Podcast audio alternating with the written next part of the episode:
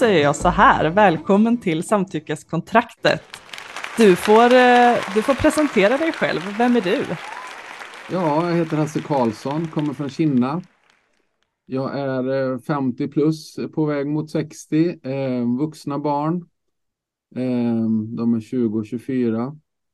Eh, jag och barnens mamma skilde oss för vad är det, 11 år sedan. Vi gick isär som par men aldrig gått isär som föräldrar.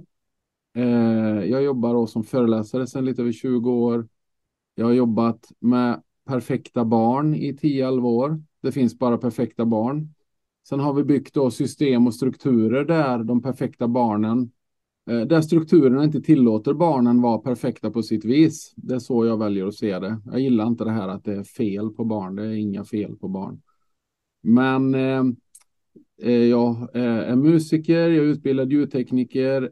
Alltså, jag, jag har inte så mycket att säga om mig själv. Jag har skrivit en bok som heter Jobbar vi ihop eller bara samtidigt som efter 11 år eh, fortfarande säljer. Det finns en ljudbok eh, och det är väl den titeln som sätter mycket fokus med. Folk hör av sig. Jag har ingen uppsökande försäljning utan det mm. så samarbete och relationer, det är kommunikation som jag jobbar med. Mm.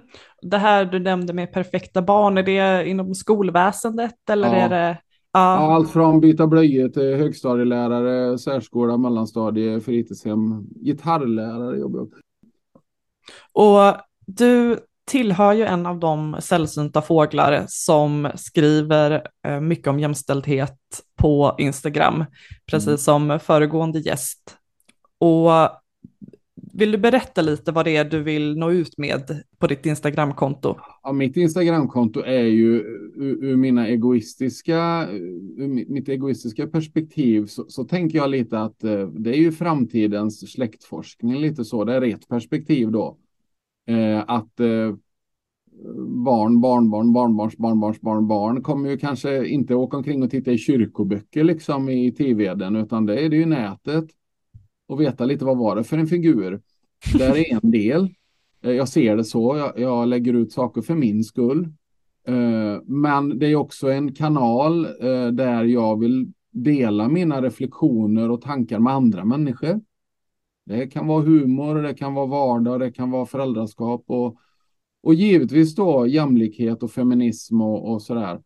Sen har jag känt då de här, kommer inte ihåg nu, men, men det är så svårt med pandemin, den har tagit en tugga i kalendern, så säger man tre år sedan, då är det fem då. Men, men uppgradera manligheten är en, en föreläsning som jag la upp och jag vet att den inte är kommersiell, det är ingen som kommer att boka den, men jag vill bara visa att den finns kan inte prata om relationer och samarbete utan att prata om jämlikhet. Mm. Alltså, det är självklart. Jag har haft tjejkompisar hela livet så att jag, jag ska inte säga att det var en vit, vit fläck på min karta. Det är min mm. räddning att jag har haft tjejkompisar. Det är, det är fantastiskt. Det, det, anser jag är, nu har jag döttrar då, men hade jag haft söner så hade jag jobbat stenhårt på att de ska ha tjejkompisar. Det är jätteviktigt. Varför är det det? Ja, jag tror, alltså det, det här med att få ett annat perspektiv. Eh, och det är väldigt svårt att objektifiera någon om det är din kompis. I högstadiet så liksom börja diskutera, fragmentera en, en kvinnas kropp liksom och diskutera henne i delar. Det blir väldigt konstigt om det är min kompis då, om vi bara hittar på ett namn då, Lisa, så är det väldigt svårt att prata om hennes eh, knän, stortår, bröst eller öronsnibbar, vad man nu väljer att diskutera. Det är ju Lisa liksom. Att, att möta varelsen. För mig har det varit viktigt att hänga med tjejerna i högstadiet. De pratar ju om livet och relationer och det här med mopeder och trim. Alltså det är helt ointresserat totalt. Alltså för mig, när jag tänker på det så är det också så att att jag Alltså det här att alla killar har en erövrare, det vet jag inget om, men, men om man har ett, ett driv att erövra något, om du ska då erövra en kvinna så för mig var det något väldigt fint och viktigt i att erövra en människas förtroende eh, så jag var ju killen som eh, en del tjejer kom och pratade med eller lipa hos eller så. Och det var otroligt fint att få uppleva den, det förtroendet och den, den relationen som byggs där. Eh, och den, den är ju motsatsen till att, att liksom se en kvinna som ett, eh, ett objekt eller, ursäkta uttrycket då, men någonting man ska onanera i som det handlar om för många om man tittar på vad porren vill förmedla och sådär då liksom. Eh, så för mig var det, det här med tjejkompisar, eh, eh Jag bara säger tackar och tar emot. Jag har frågat dem sådär. Alltså, om man tittar på neurologisk mognad så kan det ju skilja liksom sex år på en kille och en tjej i årskurs nio. Och det är Mm. inte till våran fördel. Så att, som jag brukar skämta om lite då, men alltså, men när ert prefrontala cortex växer och ni börjar tänka i konsekvenser och scenarios och sådär och kunna bolla olika alternativ så, så är vi kvar på mellanstadiet och drar i flätor och är lite så här så va. Mm. Eh, så det, det är klart att från tjejernas perspektiv så är det ju ingen, ingen jämlikhet i skolan. Ni får dra ett last där. Ja, jag var också en av dem som eh, växte upp med ganska eh, blandade vänner. Eh, jag var Mm. inte den som umgicks i jättestora grupper, men jag Mm. tyckte om att både ha tjej och eh, killkompisar, för det Mm. var väl mer en reflektion av vem jag var, att jag har väldigt blandade intressen och så vidare. Men så är det ju inte för alla, tänker jag. Det är ju många tjejer som bara umgås med tjejer och killar som bara umgås med killar. Varf, varför tror du att det lätt blir på det sättet? Om det nu finns så många fördelar med att ha tjejkompisar som kille till exempel. Nej, men det, jag, jag tror att eh, en stor del i den sanningen, en sanning består av många små sanningar, men eh, det är ju de patriarkala strukturerna. Att, att du lever i kulisser som du... Jag menar, vi killar, vi, vi är ju lite som, vad heter den filmen med, med han Jim Carrey? Han lever ju i kulisser i en såpopera. Uh, Truman Show. Tack. Jag höll på att tänka ihjäl mig där. vi lever ju i Truman Show. Vi lever i kulisser som bara är på låtsas. En riktig kar och hela den här skiten. Att man ska imponera på tjejer. Jag vet, det var också en sån här ett befriande ögonblick. Det var någon gång i högstadiet. Någon av tjejerna. Jag hängde med dem så här. Men jag är ju. Jag är heterosexuell då. Så det, jag hade ju det intresset också av tjejer. Men jag. Jag vet att någon av dem sa så här. Det är en grej Hasse. Ja, vadå? Spela inte Allan inför oss. Uh, vi ser rakt igenom dig, sa hon. Ja. Det, det är ärketraumat som det blev i mig då. Den här tuffa, alltså jätteosäkra killen, 14-15 år. Uh, men efter 10 sekunders trauma och fritt fall uh, så var det någon hjärncell som sa, men vänta lite nu. Om de ser rakt igenom mig och ändå hänger med mig och så har jag inget att vara rädd för längre. Och det var Mm. en sån, det är en liten så här jag vet inte varför man säger milstolpe längre, det, det låter ju från medeltiden, men det var en sån här uh, utvecklingspunkt i livet. Mm. Smärtsamt men nyttigt och det var, jag fick en insikt som jag, ja, det blev ett lugn i mig. Vad skönt liksom. Och då fattar man lite att ni, ni ser andra grejer. Alltså jag, det, det som är smärt, för att gå tillbaka till din fråga, så tror jag att, att uh, de här kulisserna också då gör ju att om vi ska vara på ett visst sätt, och vi är ju inte det. Vi är ju människor allihopa. Och, och, och då blir vi ju rädda och, och, jag tror att det viktigaste för oss människor, det vet vi, är anknytning. Vi försöker knyta an till varandra och sådär. Sen är det ju att, att, att vara genuin, att få vara mig själv. Och det är det första som patriarkatet eh, tutar i oss. Att vi killar, vi ska inte vara oss själva för en riktig man, bla bla bla. Mm. Där börjar ju resan mot helvete liksom. Eller så. Alltså konsekvensgraden av det vägskälet är fruktansvärt. Mm. Och återigen då, och det säger jag också, jag, jag, jag kommer inte ihåg, jag följer massa konton så, va, men jag, jag kommer, att eh, om man tittar på statistik, vi män, vi, vi, vi slåss hemma, vi slåss på krogen, vi slåss när vi går på fotboll, vi slår oss på jobbet som ingen annan och vi tar livet av oss som ingen annan. Ja. Fyra självmord om dagen, 2,66 som män, om jag inte missminner mig. Oavsett siffrorna så, så säger jag ju då det är självklart att feminism är jätteviktigt med jämlikhet. Mm. Om vi, om vi bara tittar egoistiskt ur männens perspektiv så vi slipper den här skiten. Mm. Och, och, och sen har du ju då, sen har vi massa andra bottnar i den här tårtan då med att, att, att barn som inte får en anknytning och får känna att de är, duger som de är, att de, de får ju en, alltså det här svarta hålet innan de blir stora och då blir de lättkränkta för de vet inte vad respekt är. Mm. Alltså det hör jag ju fortfarande män i min ålder att om, om man ju pratar om en heteronorm då, att hon ger mig inte den respekten jag förtjänar. Jag, jag får eksem i hela hjärnan liksom. Varför det? Nej, men alltså hon ger mig inte den. Det är två saker där. Hon ger mig inte. Respekt är ingenting du springer runt och hovar in. Du visar respekt i min värld. Och sen det jag förtjänar, det sitter ingen jävla kosmisk myndighet och jämför hur mycket vi... Alltså det är så dumt. Men jag fattar att vi är osäkra. Det är lugnt. Vi är rädda. Mm. Eh, jag tror det är så viktigt att diskutera detta utan att dra upp det här vidriga ursäktsfiltret. Ja, men ni måste förstå att vi är rädda. Nej, vi killar, vi ska bara sätta oss tyst i klassen och, och iaktta och se eh, och lära oss, för vi mår bra av det. Men det finns ingen utveckling utan smärta och vi är livrädda för smärta.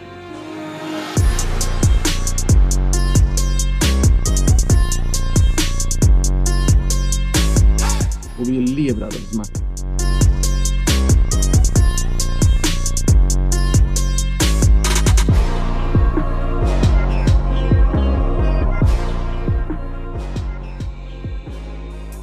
Jag, jag, tycker det, det, är vansinnigt att, nu, nu, kan jag inte siffrorna exakt, men om, om jag och du jobbar ihop 8 till 5 så har jag lön från vad det nu är 12 minuter över 4 till 5 och du har inte det. Alltså mm. det är så dumt som man svimmar.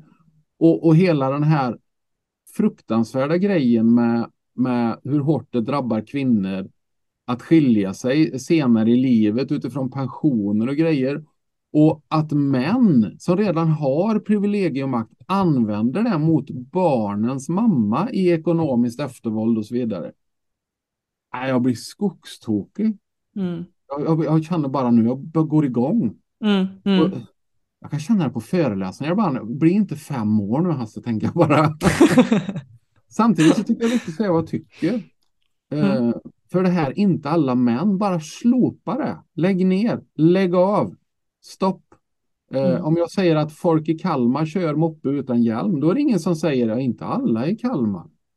Men då tror jag att det handlar om, eh, och, och, det har jag och den eminente Instagramvännen Joakim Persson, vars avsnitt jag lyssnar på, fantastiskt bra. Eh, men just det här med status.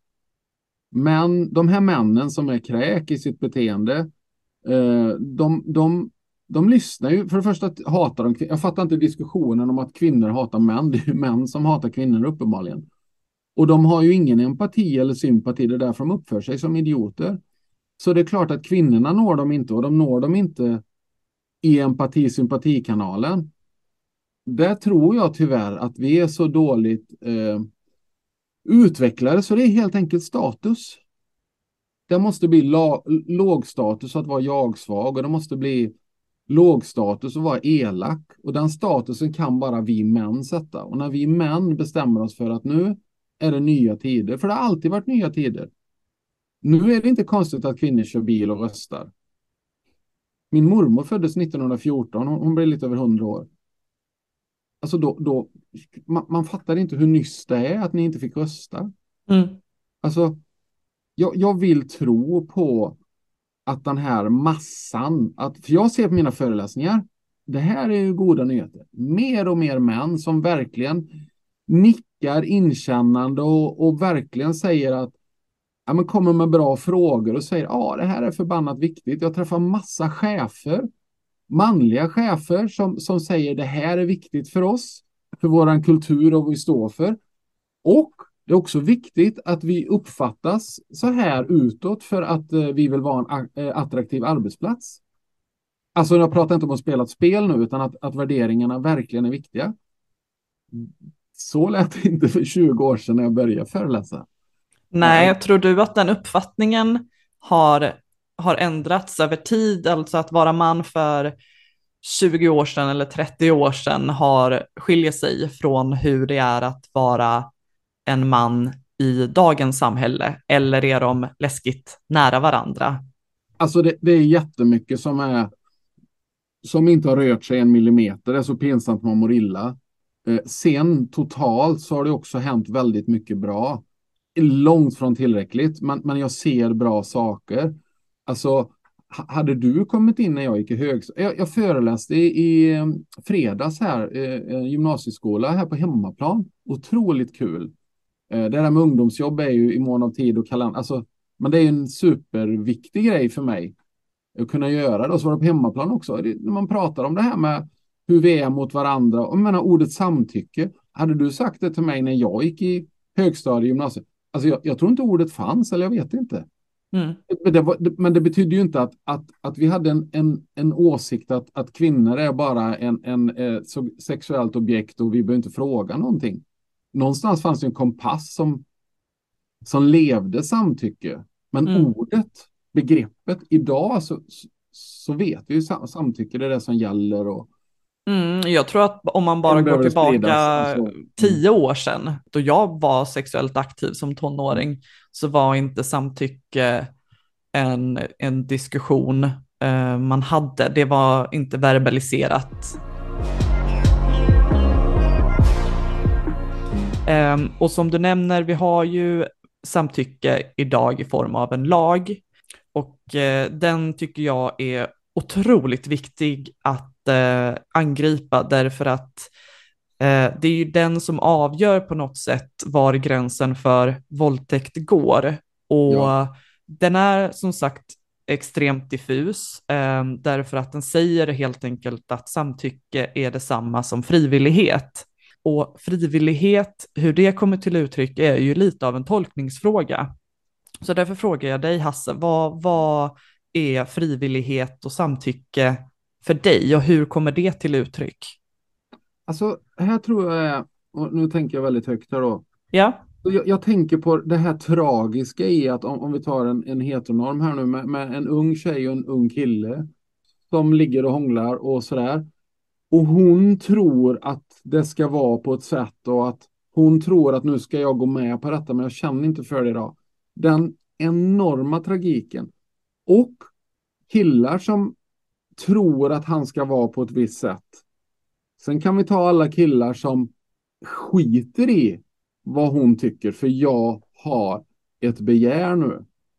Det är ju totalt vidrigt, men jag tror även i bland ungdomar som har ett förhållande, som har ett fint förhållande så, så finns det oklarheter och det finns ju bara en väg vidare och det är ju att prata med varandra.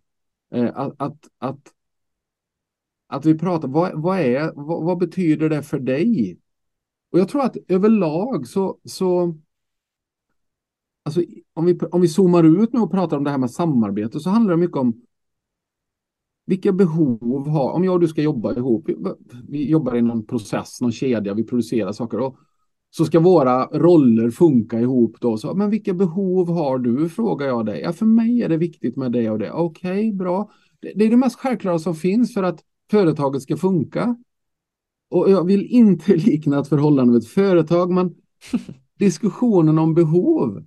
Vad är ditt behov? Och samtidigt det här att, att möta varandra där vi är idag. Att inte börja med...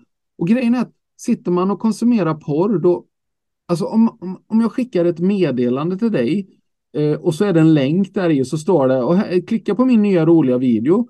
Jag menar, du är ung och begåvad och fattar att nej, nu är det någonting här. Det skulle du aldrig göra. Grejen är alla unga män som, för då släpper du in ett virus i din dator. Men när du tittar på en porrfilm eller på, på, på ett filmat övergrepp så då släpper du in ett virus i din hjärna. För det här med drift och så, jag är ingen forskare på detta nu, men vad jag har förstått så, så är detta en, det är en enorm drift i oss människor. Och när porren då hijackar med sina bilder, det blir så sjukt. Mm. Och har du då, har du då de här olika tragiska komponenterna då, osäker kille, porr, droger. Ja men alltså gissa utgången av det. Den Mm. soffan, det blir ju katastrof. Ja, och du är lite inne på det spåret jag också är inne på, just det här att om vi eh, saknar en definition för frivillighet, då eh, får ju de här väldigt tydliga rörliga bilderna i form av pornografi större utrymme och det blir svaret för inte bara unga vuxna utan vuxna i sin helhet. Det blir deras svar på hur eh, ett sexuellt samspel ska gå till och att vi i samhället behöver ersätta den bilden på något sätt. Och jag vet inte hur, men jag tror ju att den här podden är en del av det svaret, att vi måste faktiskt diskutera det här med samtycke och frivillighet eh, och vilka faktorer som, som spelar in där. Och det är ju mycket det här med könsnormer. Mm. Vad är manligt, vad är kvinnligt, hur kan vi mötas på mitten istället för att kvinnor ska göra avkall på sig själva och, och männen måste eh, erövra. Mm. Vad patetiskt. Alltså, ja men, jag vet inte, jag, jag, jag har inte Twitter, jag vägrar, men, men alltså, det var någon sån här tweet som någon, det var någon kändis, någon ung kille som liksom, ja men jag har legat med 300 tjejer eller något sånt där, jag kommer inte ihåg exakt. Och det var någon som skrev att eh, eh vad betyder det liksom? Det betyder ingenting. Kom igen när du legat med samma tjej 300 gånger så du lärt dig någonting. Alltså mm. just det här att, att älska oss, att förstå att det finns ett vi, att vara ömsint och vara rädd om varandra. Eh, sen kan man givetvis ha sex som är intensiv och så, men alltså när tjejer kommer in till kliniker och har skador, och vi pratar inte våldtäkt nu, utan vi pratar om ett samlag med sin partner och skador. Det är, inte, det är inte sex. Punkt. Alltså, vi, det, det, nej. Och, och liksom det här med att strypa och grejer, man bara stopp, stopp. Var kommer den dårskapen ifrån? Mm. Alltså. Mm. Och, och, jag, jag tänker ju när du säger just det här med strypsex och så, för att det absolut att man kan tända på det och vill ha det involverat i sitt sexliv. Men det är ju på särskilda premisser. Det kanske inte är det första man gör när man träffar någon för att någon har uttryckt att det här tycker jag är sexigt, utan man måste ju bygga upp ett förtroende för varandra först. Och mm. när, när man hamnar i situationer som den här tweeten du berättar om, där mm. och jag ligger med såna här, så här många tjejer, mm. då är det väldigt svårt att få till ett eh, tydligt samtycke i relation till amen, strypsex då till exempel. För det är, det är inte någonting som man bara kastar sig in i, det blir inte bra. Nu, nu är ju så här, jag, jag kan inte uttala mig om strypsex för jag har aldrig eh, upplevt det, i, vad heter det, aldrig genomfört eller vad heter det, kommer aldrig ske. Bara tanken på det får mig att må illa. Det är vad jag tycker. Mm. Eh, men jag tänker också så här, tänker man inte lite så här konsekvensgrad? Vad är konsekvensen? Hur viktigt är det här liksom? Vad är konsekvensen? Men om man älskar en människa och vill ge den människan njutning, det spelar ingen roll om jag är homosexuell eller hetero, whatever, men min partner vill ge njutning. Att, att, att det är så viktigt att, att vara på någon slags ytterkant i den njutningen där några millimeter till så, så har vi en konsekvens som är katastrofal. Jag fattar inte det. Men mm. jag, jag tycker det är viktigt att vi pratar om det. Och det, det, det alltså jag vet inte, men 15-17 år sedan och jag, jag, och jag skämtade om, jag sa det, en sak jag inte begriper killar, det är varför ni sitter liksom och, och googlar på eh, ja, vad det nu är, klitoris, hur det funkar och så, eh, och tänker tekniskt på allting när ni kunde liksom varit snälla istället. Mm. Vad behöver min partner? Vad, vad, kanske, du vet, ställa fram morgontofflorna om det är kallt och whatever, visa ömsighet och så. Och det är ju en del i att om man då har något fantastiskt sex på kvällen, att det hänger ihop, att det inte bara är någon eh, teknisk uppvisningssport. Mm. Alltså vi måste ta bort gymnastiken ur det liksom. Och det jag. kan jag bekräfta dig i att många eh, kvinnor känner att de inte blir lyssnade på. Mm. Det är ett det problem. Det är märkligt. Mm. Och jag, jag sätter ett gigantiskt finger på mig själv.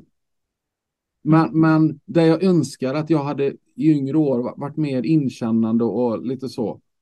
Um, och det, det, jag känner nu hur svårt jag har att prata om detta. Mm. För det, det, det, är så lätt att det blir oprecist oprecist och plötsligt får ord egna vingar och lever sitt eget liv hos mottagaren. Men det är väl också ett tecken på att vi måste göra just det här. Prata om det utan att leka ja. domstol. Är du rädd för att folk ska få, eller de som lyssnar på den här podden rättare sagt, ska få fel uppfattning av dig om Nej, du inte uttrycker, är, det, är det det det grundar sig i? Nej, eh, min rädsla är att man får en fel uppfattning om ämnet. Jag är ointressant alltså som föreläsare så tycker folk redan en massa. Jösses, jag utvärderas jämt i mitt yrke. Gillar man inte det så är det bara att byta. Och är du inspirationsföreläsare så, så det är ju skottpengar på oss. Eh, så va, tycker säger en del.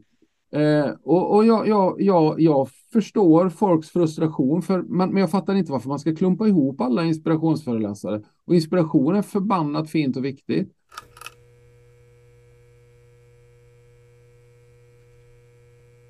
Under året 2020 så var det eh, 375 000 personer i Sverige som upplevde sig blivit utsatta för sexualbrott enligt Brå. Det innebär inte att det är så många fällande domar såklart, mm. men, men det är så många som upplevt sig utsatta. Någonstans här har ju en förövare inte förstått eller inte respekterat eh, den andra personens vilja och någonstans så vill jag väldigt gärna tro på att det handlar om oförståelse eller okunskap och att man, att man inte har förstått att ett samtycke inte har givits. Tror mm. du att det är på det sättet att många inte förstår att ett samtycke är... Jag tror en del av ja. de gamla unkna kulisserna, nu än en gång, vi är inte inne på ursäkt, men som förklaring. Än en gång, ingen ursäkt, men många killar har ju liksom blivit itutade att ja, men kärlek börjar med bråk. Alltså det, det är så dumt så, så att menar, nej, jorden är inte platt. Kärlek börjar inte med bråk. Lägg av. Och alla tjejer som, ja men han drar mig i håret. Ja men det är sådana de är. Boys will be boys. Mm, och där måste det vara stopp. Jag tror att det, det är ju de här kombinationerna av eh, eh en, eh, att, du inte, att, du har, att du inte blivit fylld av värdefullhet. Så, så har jag känt, har vi känt med barnen. Alltså ramar och kramar, fylla dem med värdefullhet, då, då, då minskar risken att det går åt pipan om man tar ett dåligt beslut och går med på saker som är skadligt. Oavsett ämne då. Va? Men de här männen då som växer upp och som, jag hade ju förmånen att ha killkompisar också, där vi pratar känslor. Mm. Vi, vi, har ju pratat om det nu, kompisar, att hur många hade det så liksom? Alltså på tidigt 80-tal, man är 18-19 år och pratar om känslor med andra män. Det är fantastiskt. Det är ju ja. väldigt udda. Men mm. eh, alltså män i grupp är ju, det är ju sällan vi blir smartare. Eh, det, det, ska plötsligen jämföras och så ska man, men jag tror det, det är en kombination där av så mycket. Och det betyder att en del män tar det otroligt fega beslutet att göra någonting mot en kvinna som inte är okej, okay, om vi säger tafsa eller någonting på krogen, och titta lite över axeln för att få bekräftelse av sin manliga flock. Och det är ju, där har du ju patriarkala strukturer och de måste ju bara vrålbrytas bort. Du ska inte komma. När vi lyckas bygga en status där någon gör så, där alla på krogen bara stannar upp och bara, vad gjorde du nu? Tog du henne på brösten? Vad, vad sysslar du med? Det är dit vi ska.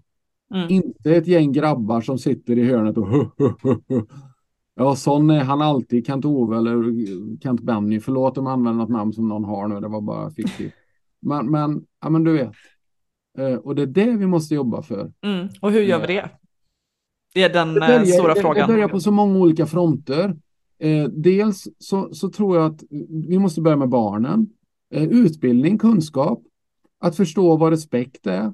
Eh, och också fånga upp barn och ger, har man inte en bra anknytning hemma så, så, så måste man få den någon annanstans. Jag är uppvuxen i ett dysfunktionellt hem. Jag har haft, och, och jättefina föräldrar men, men som har haft sin dysfunktion och sina grejer och kämpat med. Och, mm. Men jag har haft andra fantastiska vänner och fantastiska vuxna som har ritat i min karta med väldigt fina kriter som jag är evigt tacksam. Eh, så, så det med barnen är jätteviktigt. Eh, och se, sen har vi det här med alltså ramar och kramar med, med tonåringar, att det här är okej, okay, det här är inte okej. Okay.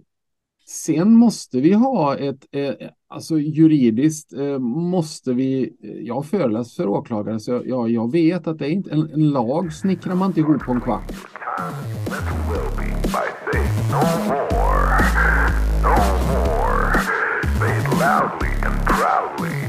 Jag ska, jag ska läsa en skylt eh, som du har skrivit och eh, lagt upp på Instagram och det lyder mm. så här. Patriarkatet är som Putin. Det trycker ner och söndrar. Jag-svaga män ska ges begränsningar och behandling, inte makt och möjligheter. Vill du ge lite bakgrund? Vad, vad är en jag-svag man enligt dig? En jag-svag man är ju, om vi tar ett exempel då för att någon ska, vi tar en person som alla kan se framför sig. Donald Trump, han är jag-svag.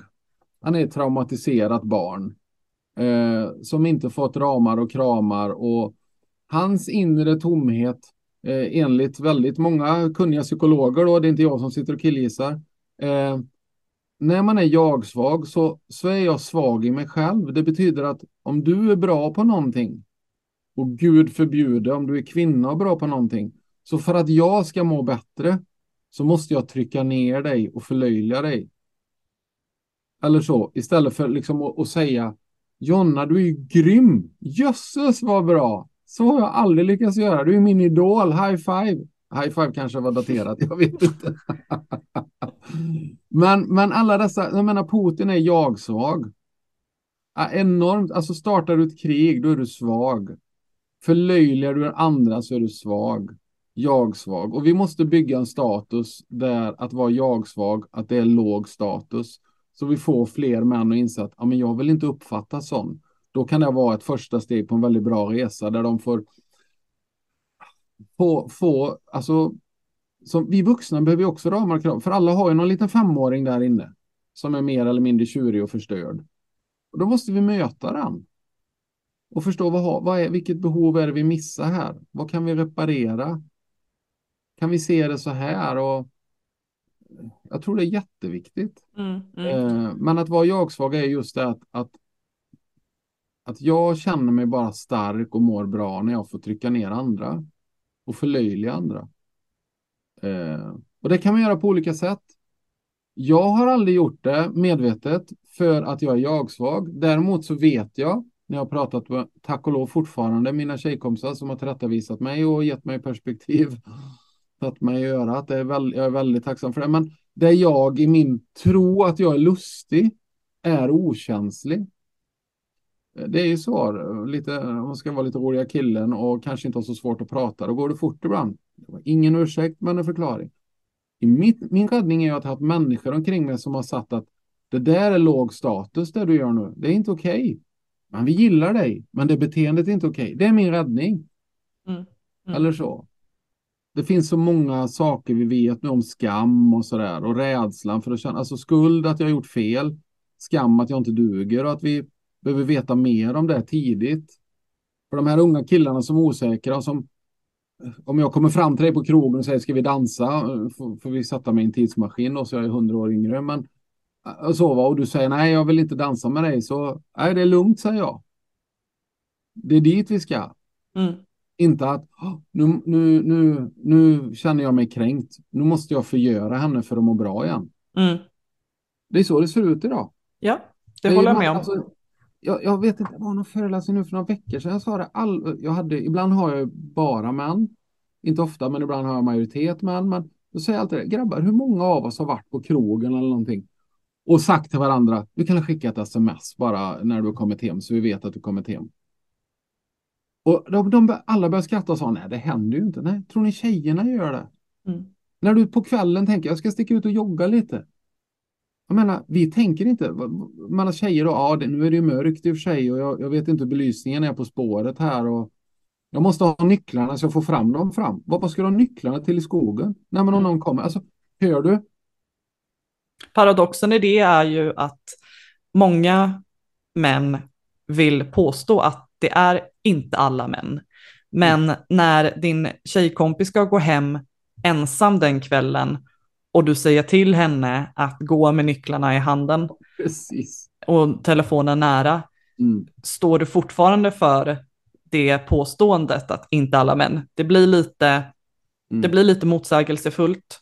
Ja att det, det, handlar snarare kanske om att man själv inte kan ta till sig problemen man orsakar eller ansvaret man saknar. Mm.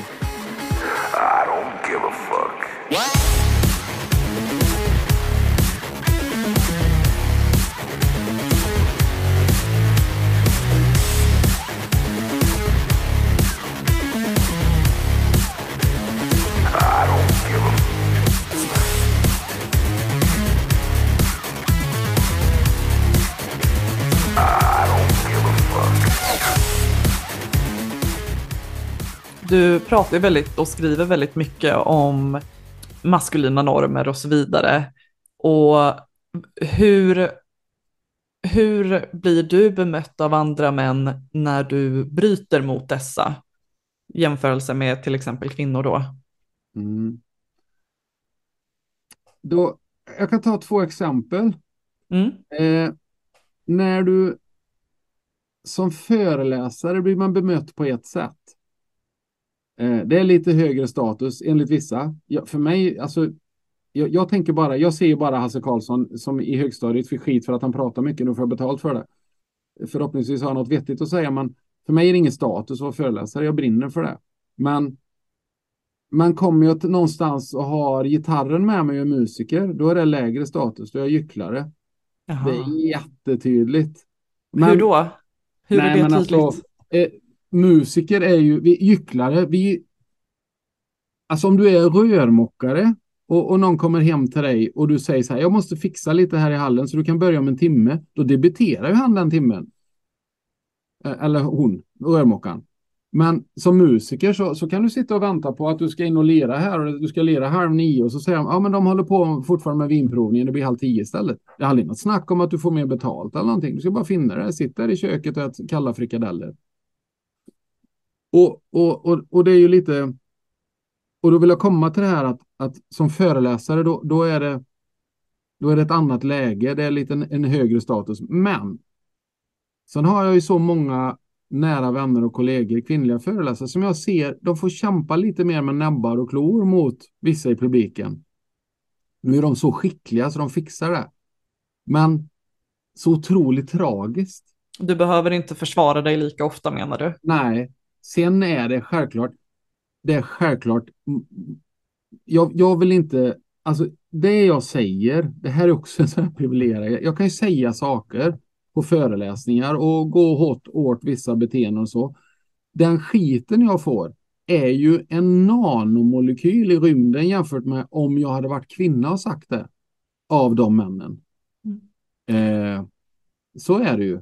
Och det har jag märkt väldigt tydligt både under samtalet med dig och i eh, det tidigare avsnittet med Joakim, mm. att Eh, jag är väldigt medveten om hur jag uttrycker mig och jag skulle inte våga använda begrepp som jag-svaga män ehm, eller kräk eller eh, liknande för att då tror jag att jag hade tappat väldigt många Mm. Eh, man, framförallt manliga lyssnare, men även mm. kvinnliga lyssnare tror jag. Och jag mm. tror att det är lättare för andra män att gå hårt åt. Tror du att det stämmer? jag, jag, tänker så här att hade jag, hade Jay, nu, nu kan jag inte så mycket om hiphop, men Jay-Z, eh, färgad man, han kan sjunga n-ordet i sina låtar och stå och säga det på scenen. Eh, Jonas Gardell kan stå och säga bög på scenen för han är homosexuell. Jag kan inte göra de två grejerna. Men jag är vit privilegierad man, så jag, jag, jag ser ju en enorm möjlighet för mig att vara lite jobbig då mot vissa som mm. har jag, beteende jag ser den som också. jag personligen tycker hör hemma på medeltiden. Då, men, och jag tycker det är ett ansvar jag har. Mm. Och det är också därför jag tycker det är så extremt viktigt att ha med er i den här debatten. Mm. Det behövs. Mm. Och jag, jag, kan tänka mig, tänk bara det här att du har en podd och så bjuder du in, nu får jag vara med här, jag är jätteglad för det. Fantastiskt kul. Eh, jag hoppas att du hittar något bra i detta. Men det, det är ju så att hade det varit tvärtom, eh, alltså män och kvinnor, så, så hade ju inte vi män bjudit in kvinnor. Och så här, hur, alltså, det visar bara ytterligare hur, hur borta vi är i de patriarkala strukturerna och kulisserna. Mm. Eh, mm. Om det var du som drev den här podden och jag var gästen. Alltså, alltså det, det, det, är ju liksom, vem var det som sa det? Min yngsta dotter förser mig med underbara stand-up-människor som är superskarpa.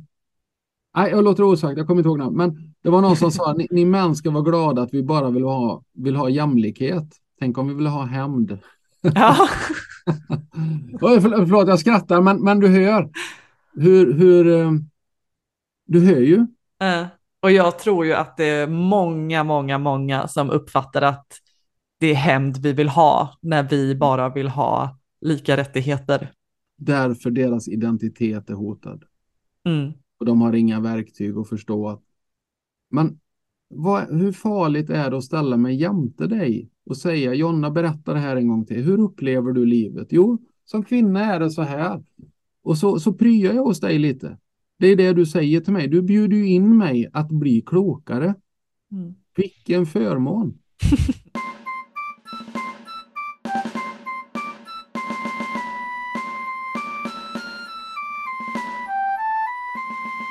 och, och, men jag, jag, jag, jag vet inte om jag sa det innan, men jag, jag säger det, det var ett gäng år sedan där jag märkte i mig själv att det var lättare för mig att säga till barnen att jag älskar dem, vilket de har fått höra varje dag i ord och handling eh, av många människor.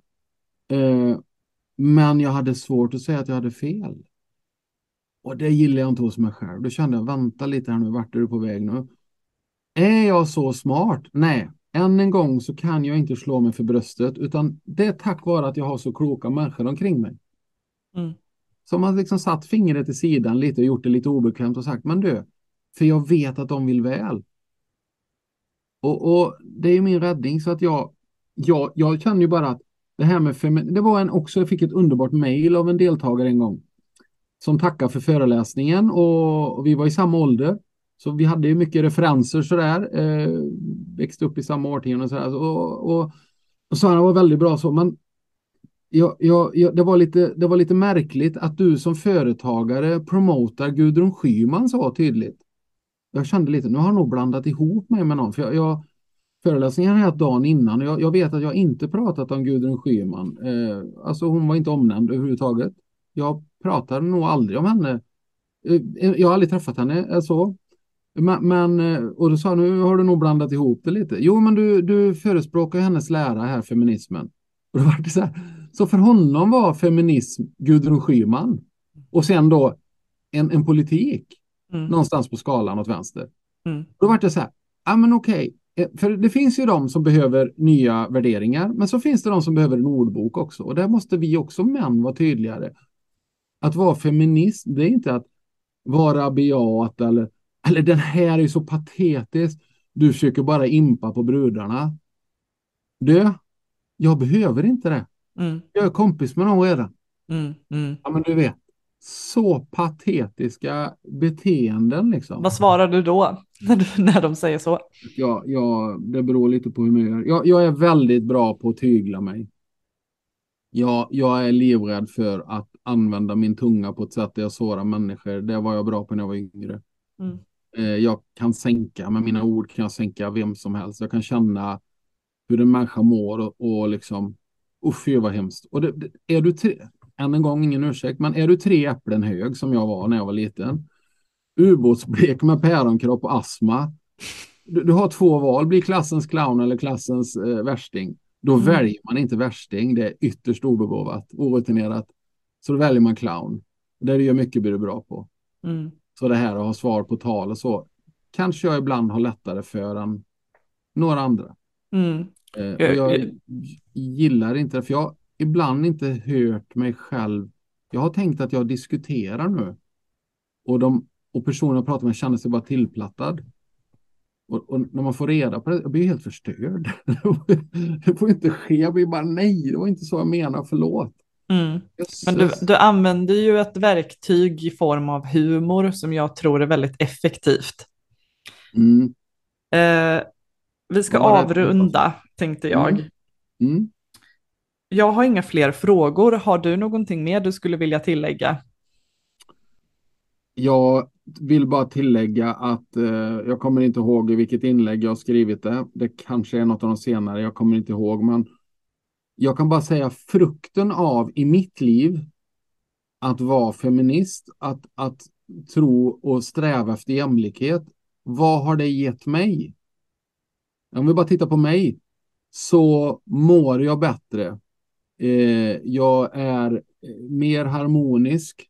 Eh, jag njuter mer. Eh, jag gör bättre resultat i mitt liv. Alltså jag har ett bättre fokus. Och jag har väldigt sunda relationer. Jag, På inget sätt kan jag ta åt mig äran för det, men jag säger det här är frukterna av att vara feminist Mm. i mitt liv. Mm. Jag vill aldrig lämna det. Bra. Jag är jätteglad att du har velat vara med i det här avsnittet. Det har varit väldigt intressant att lyssna på dig och jag tackar allra ödmjukast för det. Tack Jonna. Fortsätt med din underbara podd. Tack.